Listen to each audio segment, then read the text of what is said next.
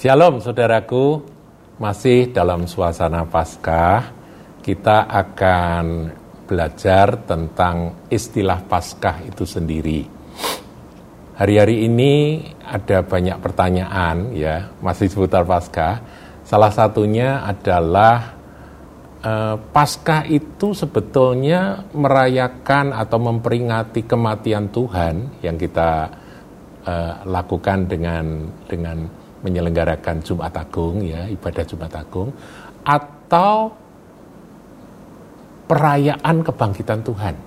Ya, itu menjadi pertanyaan Saudara.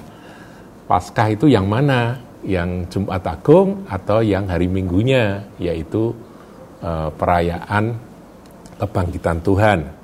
Nah, kita akan belajar dari firman Tuhan, saudaraku ya.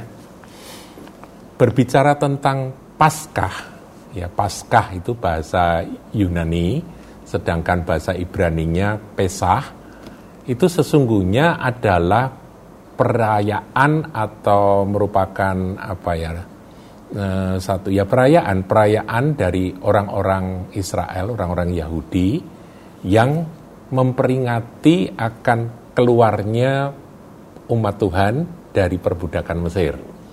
Nah, itu bisa kita lihat sejarahku sejarahnya, sejarah Paskah ya. Dari Keluaran 12. Ini saya comot, saya ambil cuplek dari cerita bagaimana mereka uh, menyembelih domba Paskah itu, saudaraku ya. Saya bacakan. Keluaran 12 ayat 21. Lalu Musa memanggil semua tua-tua Israel serta berkata kepada mereka, Pergilah, ambillah kambing domba untuk kaummu dan sembelihlah anak domba Paskah. Anak domba Paskah. Jadi di sini istilah Pesah itu muncul. Ayat 22, kemudian kamu harus mengambil seikat hisop dan mencelupkannya dalam darah. Itu hisop itu tanaman begitu, saudaraku ya, seperti rerumputan begitu. Itu seikat, celupkan dalam darah yang ada dalam sebuah pasu, dan darah itu harus disapukan pada ambang atas pada kedua tiang pintu. Ya, jadi di atas dan di samping ya kedua tiang pintu. Maka Tuhan akan melewati pintu itu. Hmm, perhatikan, Tuhan akan melewati pintu itu dan tidak membiarkan pemusnah masuk ke dalam rumahmu untuk menulahi. Saudaraku, Paskah itu asal-usulnya dari peristiwa ini. Ini adalah malam sebelum umat Tuhan keluar dari Mesir. Tuhan perintahkan mereka menyembelih akan anak domba Paskah, kemudian darahnya itu ditaruh di sebuah pasu dan pakai hisop dicelup, dioleskan di ambang pintu dan di tiang-tiang pintu. Nah, kemudian dikatakan Tuhan akan melewati pintu itu. Lewat. Kata lewat itu, saudaraku. Kata lewat itu, paskah. Paskah itu artinya melewati. Passover, ya melewati. Nah, peristiwa ini kita tahu yang tidak ada tanda darah, rumah-rumah yang nggak ada tanda darah, yaitu rumahnya orang-orang Mesir, yang bukan rumah orang Yahudi, orang Israel, itu anak sulungnya mati semua, saudara. Itu peristiwa yang sangat mengerikan. Jadi tanda darah itulah yang membuat anak sulung yang ada di dalam rumah itu selamat. Artinya maut tidak menghampiri mereka. Mereka tidak mati. Mereka tidak binasa. Nah, besoknya mereka keluar, saudaraku, dari Mesir ya. Nah, itu tulah yang ke-10. Ini adalah arti pasca dan itu diperingati oleh orang Israel terus terus terus ya sepanjang masa diperingati terus saudaraku dengan penyembelian domba paskah itu. Nah sekarang paskah dalam pengertian Kristen itu seperti apa? Nah ini yang perlu kita pahami saudaraku. Kita tahu bahwa Tuhan Yesus itu adalah penggenapan dari anak domba yang disembelih itu Kapan dia menggenapinya? Yaitu ketika dia mati di atas kayu salib. Nah itu ada ayatnya saudaraku, kita lihat di dalam 1 Korintus 5 ayatnya yang ketujuh. Saya bacakan ya. Buanglah ragi yang lama itu supaya kamu menjadi adonan yang baru. Sebab kamu memang tidak beragi. Nah, kalimat berikutnya perhatikan. Sebab anak domba Paskah kita juga telah disembelih, yaitu Kristus. Jadi bagi kita, makna rohani dari peristiwa yang terus-menerus dirayakan oleh orang Israel tiap tahun, yaitu perayaan Paskah, itu sudah tergenapi ketika Tuhan Yesus menyerahkan dirinya sebagai anak domba Allah yang mengangkut dosa dunia dan dia mati di atas kayu salib. Paham ya saudaraku ya?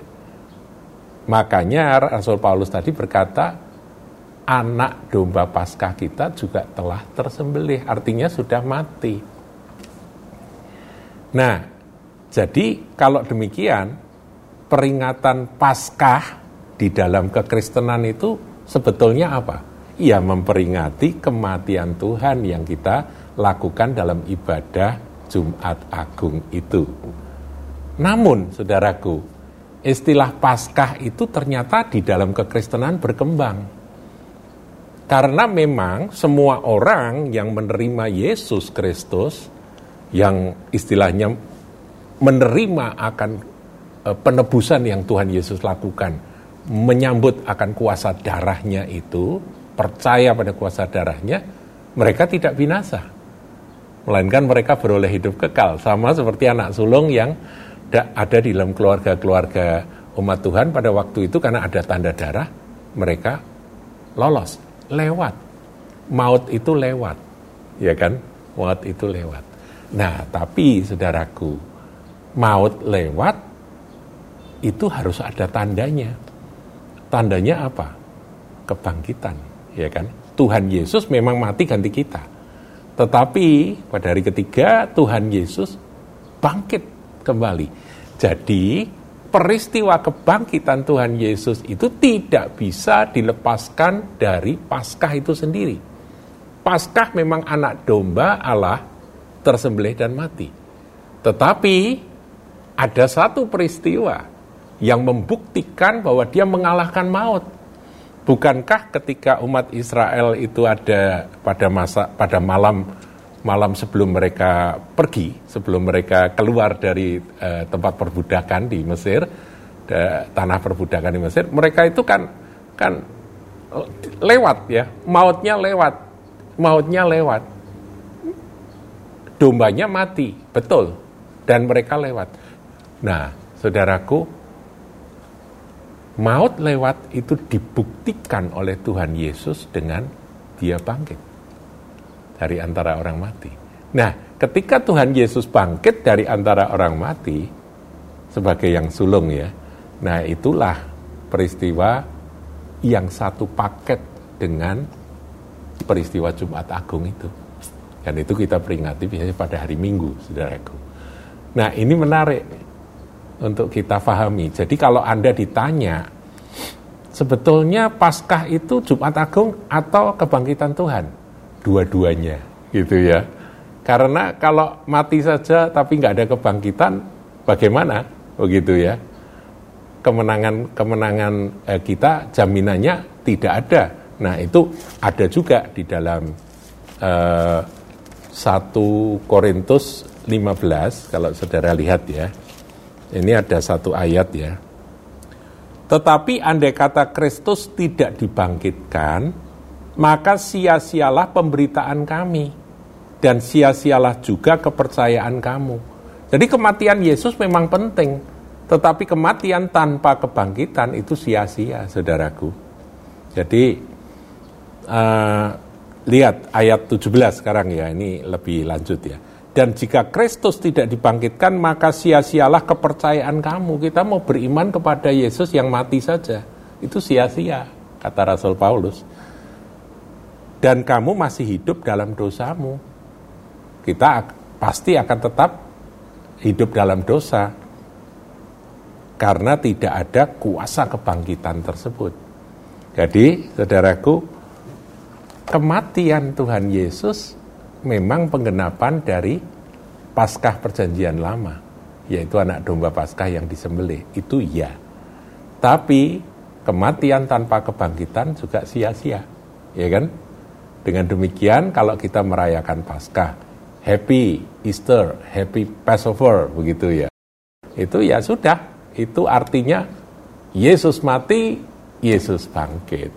Dua-duanya, saudaraku. Ya, jadi mulai sekarang untuk setiap kali kita uh, memperingati Paskah, saudara jangan bingung.